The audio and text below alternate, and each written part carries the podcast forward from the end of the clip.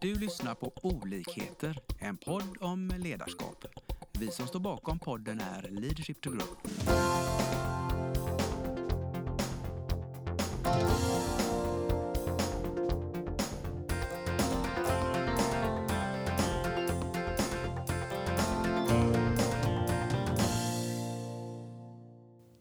Välkommen till våran podd Olikheter. Idag är det Lena Järlo och jag, Anna-Karin Eriksson, som tänker prata om ett ämne som vi eh, tror kan vara intressant och det är rädsla och oro. Och Precis, rädsla framförallt. rädsla. Det är ju, det är ju någonting stort för oss. Eh, rädsla och kärlek sägs ju vara de största krafterna i människans liv. Och det kan man känna nästan när du säger det, tycker Ja. Rädsla blir ju ofta fysiskt. Mm. Och det, finns, eh, det finns mycket man kan vara rädd för. Mm. Och eh, rädsla kan ofta sammankopplas med förändring faktiskt. Just det. Och det är ju eh, vad vi tänker här nu eh, prata om lite då. Det är ju med tankar på att vi har haft corona här i ett och ett halvt år, drygt nästan mer nu snart. Eh, att vi har varit rädda, vi har varit oroliga eh, och eh, medarbetare och ledarskap har förändrats under den här tiden ganska mycket. Och då tänkte vi att vi skulle prata lite om hur det påverkar oss och hur vi kan hantera det ur kanske ledarskapsperspektivet. Mm, absolut. Det är, det är som sagt så att vi har väl alla varit rädda för pandemin.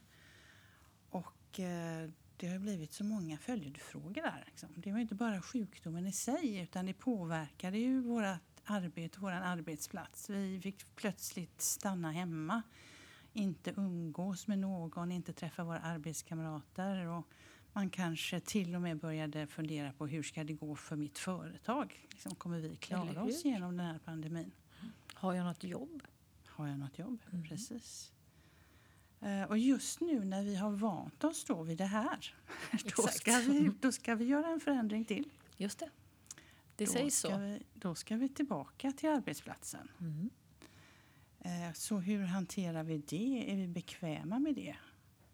Ja, och eh, den här förändringsresan vi har gjort och vant oss vid att kanske många sitter hemma och jobbar och eh, digitalt och man pratar om att man längtar tillbaka eh, och träffas och så. Det gör vi såklart. Samtidigt är det lite trevande och lite farligt och då kommer ju de här oro och rädslan igen. Är det över? Nej, det är det inte. Hur kan vi hantera det? Och hur kan ledarskapet, alltså hur kan chefer hjälpa sina medarbetare eller team till att känna en trygghet när man kommer tillbaka? Ja, rädsla kan vi ju alla bearbeta genom att ta en titt på våra attityder, tänker jag. Mm. Vill du utveckla det lite? Ja, eh, en attityd är ju en, en inställning till någonting. Eh, och attityder är inte medfödda, så de vet vi att man kan ändra på. Det är rätt spännande.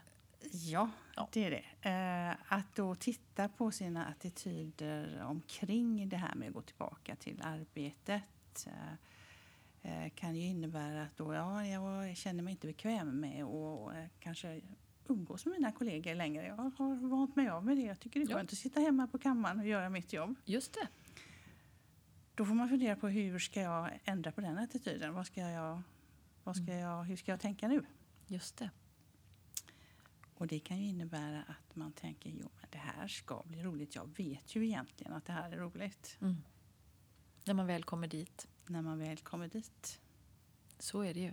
Man kanske får till och med jobba med lite affirmationer. Ja, det kan hända att man behöver se sig på arbetsplatsen i en positiv, eh, eh, ja, visuellt också. Mm. Eh, och då, vad, vad tror vi att när man pratar om attityden att jag vill känna att eh, min attityd är positivt inställd till att nu ska jag tillbaka och jobba på arbetsplatsen. Nu tror jag att många är det i och för sig. Men det kräver ändå kanske en förändring med hemmet om man nu har familj till exempel eh, och andra saker kring. Så så behöver man förändra sin tillvaro igen på ett sätt som man kanske inte har funderat så mycket över. Hur tror vi då att en ledare eller chef skulle kunna hjälpa till med den förändringen framåt? Ja, för det första så behöver ju ledaren vara medveten om sin egen attityd. Det är ett bra ställe att börja på. Mm. Mm. För att den attityd man har förmedlas ju till alla man har runt omkring sig. Mm. Så vill man skapa eh, en trygg eh, arbetsplats så tror jag man behöver börja med sig själv. Mm.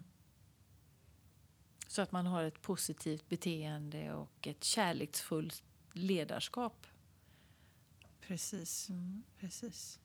Det gäller ju att eh, kanske inte vara så tuff utan snarare lite mjukare i det här och förstå att människor är rädda. Mm.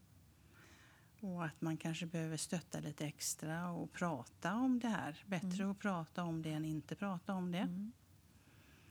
Eh, att man eh, kanske i ett öppningsskede faktiskt bjuder in till diskussion omkring det här.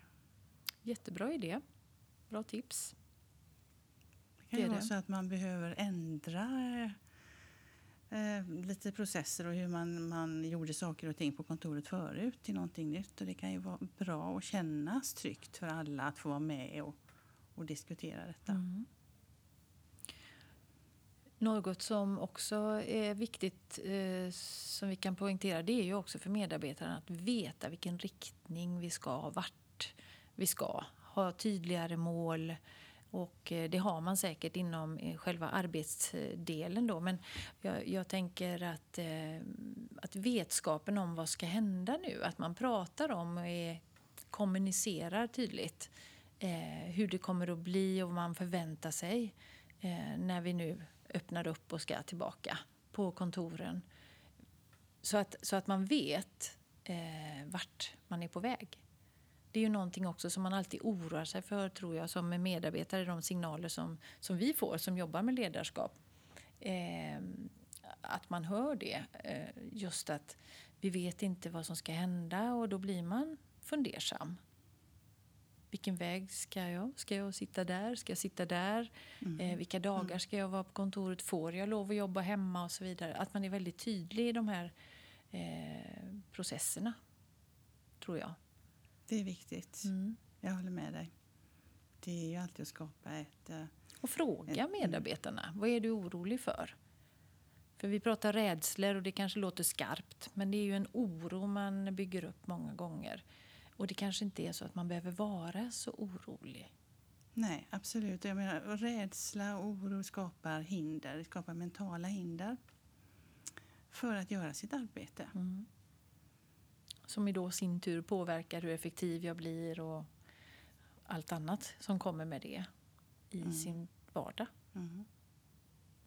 Vad eh, behöver en ledare göra mer, tror vi då, för initiativ in, in i det här?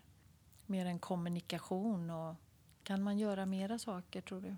Det är givetvis bra om man själv har en eh, positiv framtoning. Mm. Är alltid en fördel, en Mm. fördel i ledarskap. Eh, att man eh, har den där förmågan att se möjligheter även när det kanske fortfarande är lite mörkt på horisonten. Och sen är det ju också en sak som vi kanske oroas för. Det är ju att vi vet ju inte, okej nu, nu öppnas det upp och man, man släpper fram på kontoren och vi kanske ska tillbaka. Men sen vet vi ju inte egentligen. Det kan ju komma ett bakslag. Det hoppas vi naturligtvis inte att det ska göra. Men om det gör det, vad gör vi då? Alltså att de tankarna också kanske finns med hos medarbetare och även hos chefer. Hur ska de hantera det här då? Igen tror jag på öppen kommunikation om just att vi behöver vara flexibla. Mm.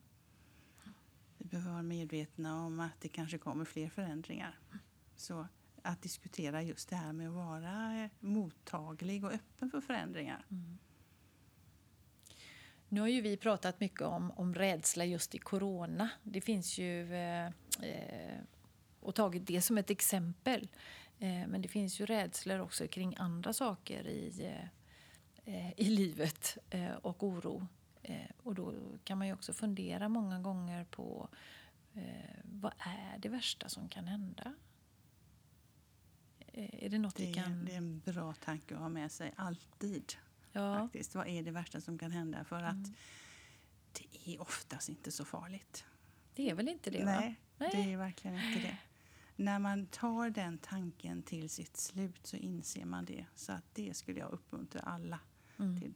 Pröva det. Ha som ett mantra. Ja. Vad är det värsta som kan hända? Vi hoppas att vi har väckt tankar om hur du kan utveckla och stärka ditt personliga ledarskap. Följ oss gärna på våra sociala medier där vi heter Leadership to Grow. Om du vill ha mer inspiration och verktyg, gå in på vår hemsida leadershiptogrow.com. Tack för att du lyssnar.